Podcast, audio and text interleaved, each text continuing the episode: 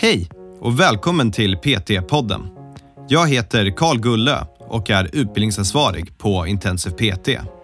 Vi har utbildat personliga tränare sedan 2012 och vill hjälpa så många människor som möjligt till en aktiv och hälsosam livsstil. I varje avsnitt kommer vi att prata med olika människor om träning, hälsa och entreprenörskap. Varje samtal har ett unikt ämne och vårt mål är att inspirera dig till att vilja förstå mer om hur det är att arbeta som personlig tränare eller att hjälpa dig framåt i din karriär som PT. Så om man tittade över populationen så hade man sett att det var de som åt mest rött kött, de motionerade minst, de drack mest alkohol, de rökte mest och som levde mest ohälsosamt. Så mm. var det verkligen det röda köttet eller var det någonting annat? Andreas gillade ju det här med podcast så han valde att vara med på PT-podden en gång till.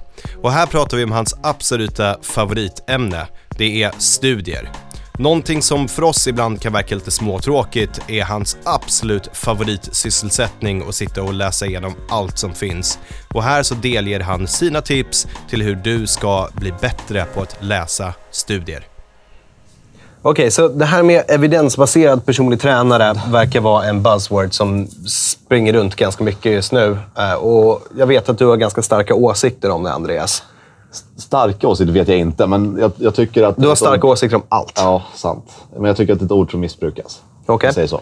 Men vad, vad, innebär det att vara en evidensbaserad PT? Det innebär att du såklart inte hittar på egna saker, utan att du kan backa upp vad du lär ut med studier. Att det finns underlag på allting. Och det ska inte ens behöva säga Nej. att någonting är evidensbaserat. För självklart har inte jag hittat på det här själv eller tagit saker som inte har nog med backup och lär ut det som sanning. Utan det, det, självklart kommer allting baseras på det, det finns något underlag. Det finns substans i det vi lär ut. Mm. Och det betyder evidensbaserad. Så jag hoppas verkligen att alla PT-utbildningar i världen, alla, de flesta utbildningar är evidensbaserade. Absolut. Det skulle vara segt att vara en läkare som skröt om att de var evidensbaserade. Ja, det, det finns ju i och för sig om vi pratar homeopati och de här. Det... För, förvisso, förvisso. Men okej, okay, så evidensbaserad PT. Men uh, hur blir man en sån då?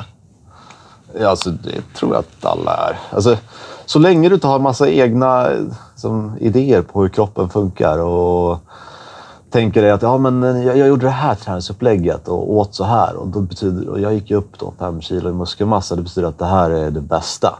Mm.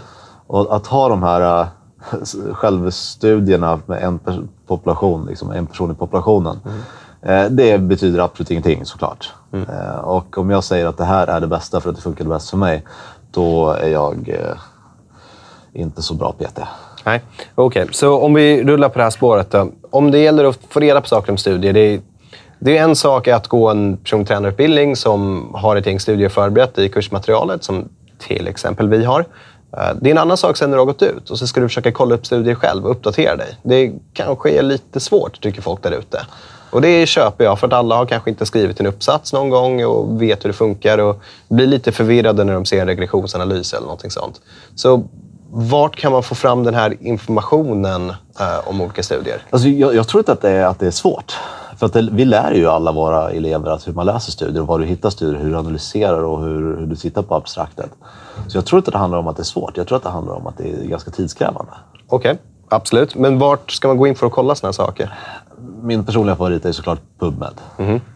Um, och det, det, är väl, att det är min favorit är väl anledningen till att de flesta tycker att den är besvärlig, för att det finns verkligen allting. Precis. Tyvärr känns det ju som att väldigt mycket som publiceras har ett lite patologiskt fokus. Det är väldigt mycket studier på massa olika konstiga sjukdomstillstånd mm. som inte är relevant för oss personliga tränare. Men när man har spenderat några timmar på den här sidan så lär man sig ganska snabbt. Liksom. De här instituten brukar vara bra. De, de här forskarna är bra. Och eh, den här rubriceringen brukar vara relevant för mig som, mm. som PT. Så det, det, är visst, det är lite tidskrävande i början. Mm. Men så, så fort man börjar få rull på det så är PubMed bra. Eh, vill, vill, man gå en nivå neråt så tycker jag att Cochrane är ganska bra. Ja. De har ju en lite bättre kategorisering. Att vill vi ha, titta på omega-3 och depression till exempel så... Och jag kan lägga till, vi lägger länkar på det här i show notesen så Absolut. att folk inte behöver höra det. Absolut. Ja. Och sen faktiskt så, så har jag börjat bli lite mer ett fan av Examin som jag var väldigt skeptisk till i början. Mm.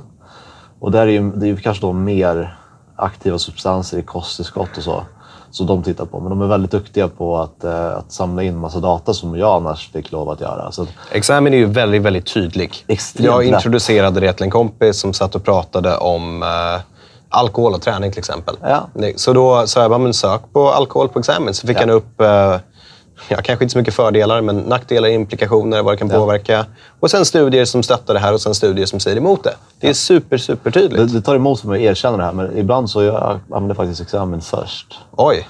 För att eh, de har sammanställt så mycket bra. Och det kan, det kan till och med räcka. De kan hitta liksom 20 studier som är relevanta för mig. Och okej, jag nöjer mig där. Jag, jag har liksom hittat, det här är nog relevant för mig för att jag ska vara nöjd. Och det här kom från personer som brukar sitta uppe till tre på natten och gå in på PubMed och söka på eh, knäskador och sådana saker. Fast det är ju fascinerande. Ja, förvisso att läsa text om människor som har ont i knäna. Absolut. Ja. Ehm, men okej, så när jag har gått in då, vad, vad, ska jag, vad ska jag leta efter? Vad är det som är av intresse? Ja, man har ju inte så mycket, om vi pratar PubMed nu igen, så har man inte så mycket vägledning i sitt sökande. Utan man får lära sig exkludera saker med sökrutan och lära sig vara väldigt specifik i vad man frågar efter. ja, absolut. Ehm, Och sen så kan man ju, det finns lite olika sorteringssystem. Man kan ju få de senaste studierna, det är ju så jag gör. Ehm, Så jag får de nyaste resultaten först, men så kan du också relevanssortera och se vad som stämmer mest överens med din, din sökning. Ehm, Och så såklart så kan du ju bläddra igenom liknande studier så får du liksom referenser från, till, till höger om sökningen. Så. Ja, när man lär sig söka, när, när du lär sig vilka ord ska jag använda med sökning så blir det här jobbet väldigt mycket lättare. Och när du har hittat studier, då har du en bakgrund, ett abstrakt, en metodologi. Ja, för du får ju upp abstraktet. Och eh, Där visar hur mycket jag har varit inne på PubMed. ja, Nej, men man får upp mer. ja men, men precis. Men vi, vi får upp en översiktsbild på vad den här studien handlar om. Ja. Vi kan säga så. Och den förklarar ju liksom hur studien utför. Eh, vad var det vi ville få ut av studien? Eh, hur gick den till och hur många personer de är i studien? Som allt du behöver veta förhoppningsvis om det är en, en, ett bra abstrakt.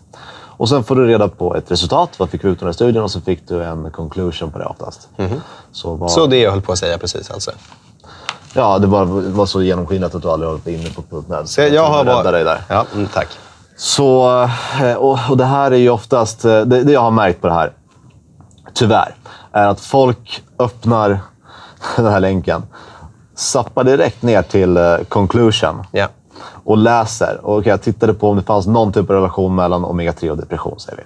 Och så tittar jag på conclusion och så säger, ser jag att det inte fanns det. Och helt plötsligt så förkastar jag den studien för att jag inte hittade något resultat. Men Då har du förkastat omega-3. Ja, exakt. Mer eller mindre så, så, så är resonemanget så enkelt. Men för det första så måste du ju läsa exakt. Fanns det någonting här som är försvårande för den här studien? Fanns det någonting som kan leda till att det här inte blir ett resultat? Var testgruppen eh, bara personer med Alzheimers och, och nyligen haft stroke? Och det var då resultatet. Men, men också så är det extremt viktigt att titta på, för ett, ett icke-resultat är ju ett väldigt starkt resultat ibland. Absolut. Om du har fått, om du tittar på effekt på, eh, på BCA till exempel och har en riktigt robust fin studie som, som visar på att det inte finns resultat. Då finns det ju ingen anledning att förkasta den studien. Då kanske vi ska lägga mycket vikt vid den studien och säga att förmodligen så kanske inte den här BCA har den positiva effekten som kosttillskottsföretagen verkar, verkar projicera på oss. Så att, att vi inte har fått ut något, någon conclusion, något, något konkret resultat, det betyder inte att det är en dålig studie på något sätt. Det betyder att just det här vi tittade på kan vi inte se något samband i. Och det här tror jag är viktigt. Jag har ju mycket vänner som har skrivit masteruppsatsen nu på senare tid och jag har också gjort det. Och folk är livrädda för att inte ha ett eh, resultat. Eller att de har gått ut och testat någonting så visar Ja. det sig att det inte är så. Men- folk accepterar inte att det liksom... Är inte det här liksom klassiska examinationsjobbs... Eh, Förvisso. Men oavsett, jag kan tänka Ja. mig att det finns lite sanning i sånt ändå. Att man vill kanske hitta något resultat. ja, men det, det finns snart inga resultat att hitta längre. Inte de här revolutionerande, liksom, att det här kommer förändra hur vi ser på det här ämnet. Om vi hittar lite, lite grann så är, vi, så är det en väldigt lyckad studie. Så du läser eh, abstraktet för att ta reda på om populationen är... Eller abstraktet, du läser hela biten. Jag för att läser se- allt, såklart. För att se om allting i populationen är stor nog, för att se om allting verkar rimligt, för att verkar det vettigt. Räcker det med att kolla en studie?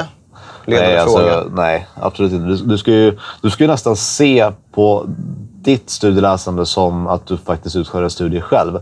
Om du, vill, om du har hittat lite studier som du, eh, som du gillar, som visar att BCA har effekt, Då ska du försöka motbevisa dig själv. Du ska försöka hitta en massa studier som visar att det inte har effekt. och så ska du väga de här mot varandra. Absolut. Men du, berätta om... Eh, vi pratar ju ganska ofta om en kul placebo och nocebo-studie i vår PT-utbildning. Ja. Och den tycker jag ändå är rätt, eh, rätt cool i resultaten som man hittade i den. Ja. Och, kan inte du återberätta lite om den? Jag kan, nu har ju de flesta som lyssnar på den här förmodligen hört den redan. Ja, men det är bra repetition. Vi tar den då. Då hade man tittat på 270 personer som hade smärta i axel, armbåge eller handled. Och så skulle man jämföra vad som var bäst. Då hade man ett smärtstillande, en smärtstillande substans i oral form. Då. Eh, Som en Ipren till exempel. Eh, Och eh, om det var bäst eller om akupunktur var bäst. Och då hade, då hade det visat sig att båda de här studierna hade väldigt bra smärtlindrande effekt. Så båda grupperna som fick eh, pillret och de som fick akupunkturen upplevde att det här var fantastiskt bra. Och I den här studien just då hade man tittat mer på placeboeffekten. Så det man hade gett var majsstärkelse som inte har någon smärtlindrande effekt alls. Och de här nålarna, det var inte riktiga nålar, som, de penetrerade aldrig huden. Så det finns liksom ingen smärtlindrande effekt i den behandlingsform som de fick. Ändå så upplevde de, och det här visar ju då på att placeboeffekten, hur stark den är. Och för att ta ett litet sidetrack här, så många, många dismissar ju eh, någonting för att, det, för att effekten kommer från placebo. Det är ju absolut inte dåligt bara för att det kommer från placebo. Hjälper det så hjälper det. Absolut. Eh, jo, och sen så gick den här studien vidare. Då har man tagit hälften av respektive grupp. Så hälften av de som fick det här, eh, den orala formen hade man sagt att du kommer få först kommer du få bieffekter innan det här börjar hjälpa. Och till de som fick eh, nålbehandlingen, då, akupunkturen, hade man sagt att det här kommer förmodligen vara problematiskt i början, men sen kommer det vända. Och mycket riktigt så upplevde alla de här som fick den orala att de, de blev trötta, de mådde dåligt, de kunde knappt ta sig ur sängen. Och de som fick de här nålsticken, de, de märkte att jag kan knappt böja armbågen och min, liksom, min hand har svällt upp här. Men det var exakt samma studie. Så det var ju, så, det var ju majsstärkelse och det var ju fejknålar. Och det illustrerar då den här nocebo-effekten. Om vi tror att någonting är dåligt för oss så blir det också dåligt. Och jag tror orsaken till varför jag ber dig ta upp det är för att förklara hur extremt komplicerat det här kan vara. Och varför man måste läsa in i studierna mer och läsa flera olika studier. För det kan finnas så många olika faktorer som påverkar. Ja, det är något som jag har gett upp på då att försöka förstå hur hjärnan fungerar. För det är hjärnan som skapar de här effekterna för Ja. oss. Och eh, det kommer vi aldrig, aldrig greppa, trodde jag. Nej, nej, det känns komplicerat. Um, vad mer har vi för grejer på studierna? Varför överhuvudtaget läsa studier kanske vi ska prata om. Det kan ju vara relevant. Ja. I början när jag började läsa studier så var det för att jag ville lära mig mer saker. Och eh, det, det är ju det enda sättet att lära sig mer saker. För att antingen så kommer du läsa studierna, alltså källa till informationen själv. Eller så kommer du läsa artiklar eller eh, tidningar eller vad, vad det nu är. för. Och då kommer du få någon som förhoppningsvis har en studiebakgrund, men du får en andrahandsinformation. Som kan man säga. Så jag ville ha informationen själv och tolka den informationen själv. Eh, Men sen insåg jag att okej, jag, jag förstår ungefär hur de här principerna fungerar. Jag förstår ungefär hur kroppen fungerar.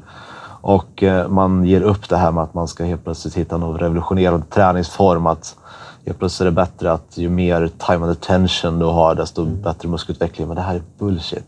Så det är sällan det kommer ut en studie som jag tänker på, wow, det, det har inte hänt på tio år. Så nu läser man mer studier, kanske för att slå hål på myter och lite sådana här saker. För att det är ofta det kommer klienter som får det här- just det här bäret eller eh, det här kosttillskottet eller den här dieten. Eller, och ju mer du har liksom studiebackup, desto mer blir du vårt favoritord evidensbaserad i dina uttalanden och desto mer förtroende bygger upp dina klienter. Så det, det är framförallt därför jag läser studier fortfarande. Absolut. Och det där att hitta en studie. Det skulle komma en studie som visar att det här bäret, det är det som kommer få dig att leva till 50 och Ja. Vara snygg, naken, alla de här sakerna. Problemet med om det faktiskt skulle vara sant är att folk kommer ändå glömma bort att ta det. Ja.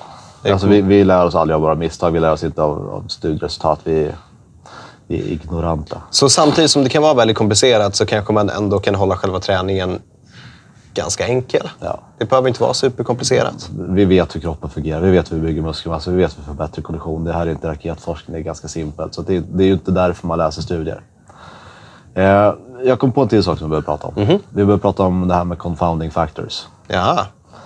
Och det här är ju någonting som gör att det blir väldigt mycket svårare med studier. Eh, och, eh, jag brukar ta en extremt löjlig, superförenklad form som inte riktigt är en confounding factor, men man förstår principen. Så vi säger att jag skulle börja träna dig som din personliga tränare och jag skulle se till att du hade det perfekta träningsupplägget. Jag var din eh, diet coach också, så du hade ett kostupplägg. Jag såg till att du sov på natten, jag såg till att allting var perfekt. Allting var perfekt och du fick superbra resultat av träningen. Men under tiden av det här så hade jag eh, administrerat 100 gram godis åt dig varje dag. Och om jag presenterar det här på ett väldigt fint sätt i min studierapport så kan jag visa att det var det här godiset som gav de här fantastiska resultaten för dig. Absolut. Fastän det var något som vi kallar för en confounding factor. Det var, det var någonting annat än det som visade studien som gav resultatet. Och det här har vi extremt många exempel på. Ehm, Vi har eh, en dietist som jag jobbade mycket med förut. Han brukade ta favorit, hans favoritexempel var det här med rött kött och cancer. Och eh, då såg man ett, ett starkt samband mellan de som åt mest rött kött och cancer. Och det kanske finns ett samband där. Det är, förmodligen så är det så. De som äter väldigt mycket rött kött får, får cancer. Men i det här fallet då, så om man tittade över populationen så hade man sett att det var de som åt mest rött kött, de motionerade minst, de drack mest alkohol, de rökte mest och de som levde mest ohälsosamt. Så var det verkligen det röda köttet eller var det någonting annat?